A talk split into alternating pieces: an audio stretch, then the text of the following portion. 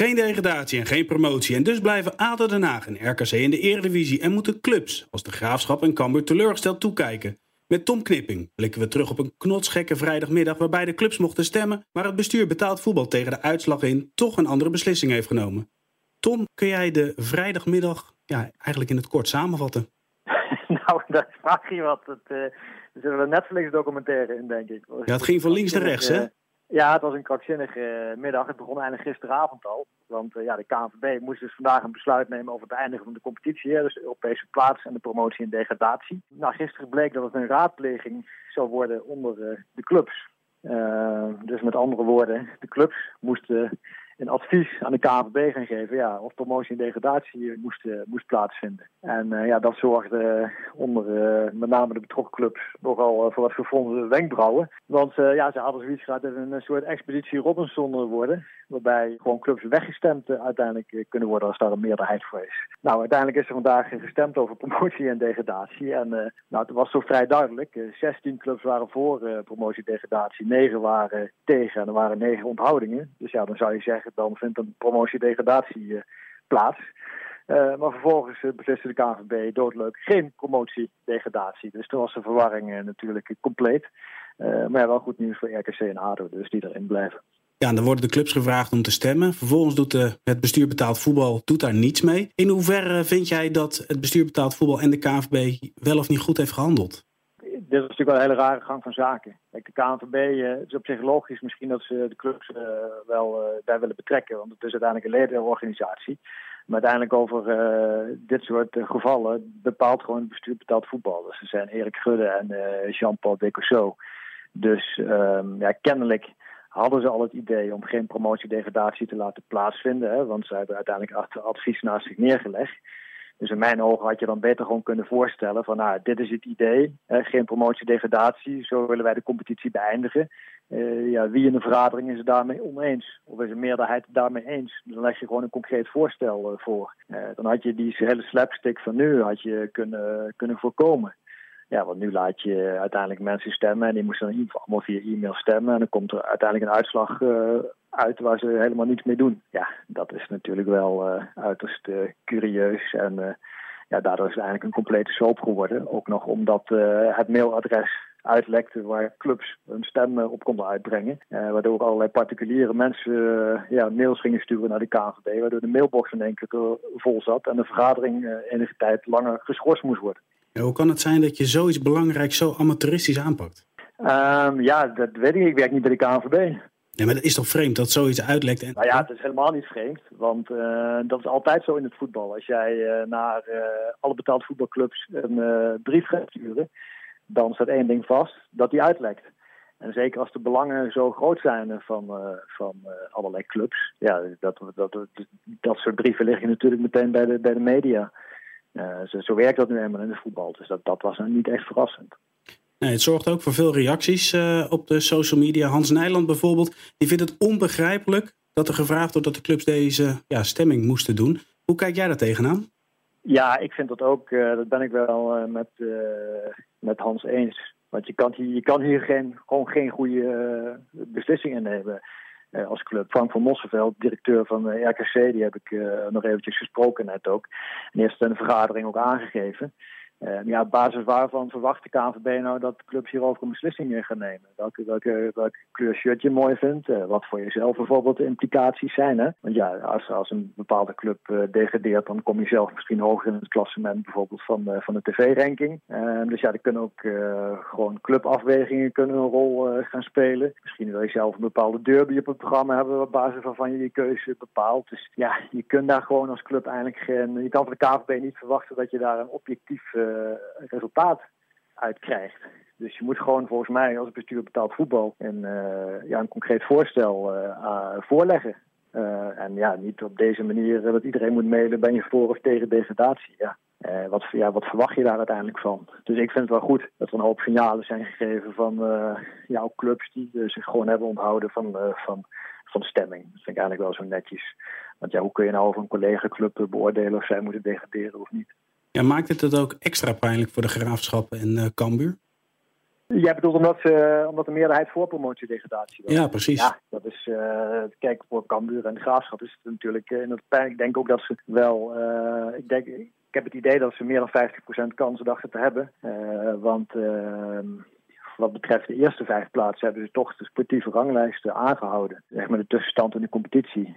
Dus als je dat doortrekt naar de onderste plaatsen, dan had je misschien verwacht dat daar ook de consequenties doorgevoerd uh, zouden worden. En uh, ja, met name RKC komt hier natuurlijk het beste weg, want ja, die waren al bijna zeker uh, gedegradeerd. Um, er wordt gezegd dat een rechtszaak beginnen geen zin heeft, maar ik neem niet aan dat ze het hierbij laten, toch? Ja, nou ja, dat weet ik niet hoor. Kijk, ik, ja, wat, met, wel, welke argumenten kun je bij de rechter aankomen? Hè? Ik bedoel, er is nooit een besluit te nemen waarbij iedereen tevreden kan waarmee je iedereen tevreden kan maken. Nee, Als je wel promotie-degradatie doet en de graafschap uh, en de kampioen mogen promoveren, ja, dan, dan zouden ADO en RKC weer een rechtszaken kunnen, kunnen aanspannen. Uh, Utrecht heeft zich trouwens ook nog behoorlijk laten gelden in de vergadering hoor. Want we hebben nu alleen over promotie en degradatie. Maar Utrecht uh, voelt zich uh, ook enorm benadeeld. Ehm, want ja, zij hadden natuurlijk nog die bekerfinale. En het is zo geregeld dat de bekerfinale een rechtstreeks ticket naar de groepsfase Europa League betekent. Uh, en nu is het zo uh, afgesproken dat dat rechtstreekse ticket in één keer naar de nummer drie uit de competitie gaat.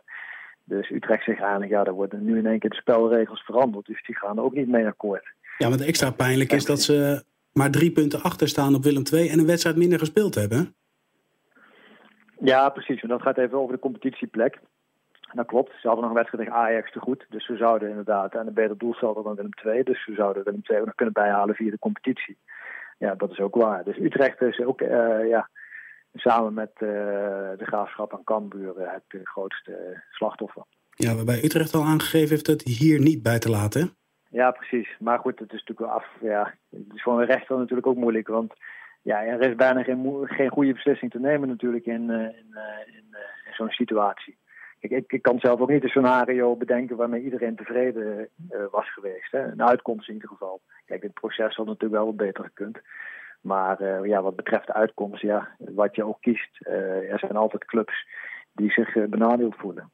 Ja, was de makkelijkste oplossing achteraf niet geweest om toch met 20 clubs in de competitie te spelen? Ik weet dat ze dat eerder hebben afgeschoten vandaag. Dat waar... van de KNVB dat ze, dat, dat ze daarvan hebben gezegd, ook in het advies naar de clubs toe gisteren. Dat gaan wij het bestuur betaald voetbal in ieder geval niet besluiten. Dus dat vond ik wel daadkrachtig. Maar dat, dat, dat vind ik zelf wel gewoon een uh, hele gekunstelde oplossing. Uh, daar haal je misschien wel wat meer clubs tevreden mee, maar daarmee draai je in feite gewoon de eerste divisie in nekkel. Uh, en die hebben het al moeilijk genoeg en dan ga je daar twee aantrekkelijke clubs weghalen. Wat de KNVB ook aangegeven aan de clubs is dat dat ook gewoon praktisch niet uitvoerbaar is. Omdat je nog meer wedstrijden op de agenda krijgt. En uh, ja, het is überhaupt maar de vraag wanneer de competitie kan starten. Dus dat wordt heel moeilijk om te plannen allemaal. Dus ja, dat was gewoon geen, geen goede optie. Nee, want dat was alleen om die clubs tevreden te houden. Want uiteindelijk qua kosten zou het ook niet veel opleveren. Zeker als je zonder publiek zou spelen met extra wedstrijden, de overheden die niet blij mee waren?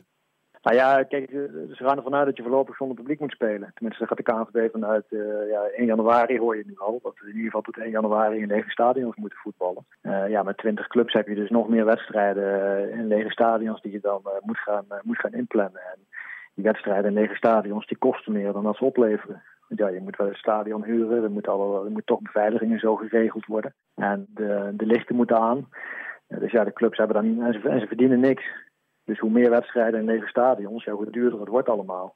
Dus dat is inderdaad ook een argument om dan niet uh, met 20 clubs te, te starten of te spelen. Want als je met 18 clubs speelt, dan heb je toch ook wat meer ruimte in je agenda. En dan kun je ook wat meer wedstrijden na 1 januari uh, plannen. Hè? Dus kun je proberen uh, minder wedstrijden bijvoorbeeld nog dit jaar te plannen. En dan meer wedstrijden in februari, maart volgend jaar. Ja, dan het volgende. Ajax is geen kampioen, maar speelt wel in de Champions League. Dat is ja, de eerste keer sinds 1944, 45 dat er geen kampioen is. Ja, dat is natuurlijk wel heel logisch. Want het zou raar zijn als je zegt van uh, laten niemand degraderen, maar we roepen wel een kampioen uit. Dat zou, dan zou natuurlijk het uh, feest helemaal compleet zijn. Um, ja, en, ja, ik bedoel, dat lijkt me uh, nu wel een hele ja, terechte beslissing om Ajax geen schaal uh, te gaan uitreiken. Ze staan uh, gelijk met uh, AZ uh, notabene. Tom, hoe zit het precies met de verdeling van de gelden van het Europees voetbal?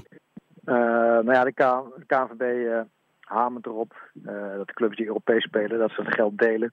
onder de andere clubs. En KVB kan er niet verplichten, maar ze zeggen wel dat in hun ogen de Europa League en Champions League deelnemers verplicht zijn om de premies te delen met andere clubs, zodat die ook kunnen overleven. Ehm, dus daar is in die brief opgehamerd die gisteren is gestuurd en vandaag in de vergadering ook nog. Uh, alleen concrete afspraken zijn er nu niet uh, gemaakt. Dat moet dan in de komende weken nog gebeuren. Ja, verwacht je ook dat de clubs daarin meegaan?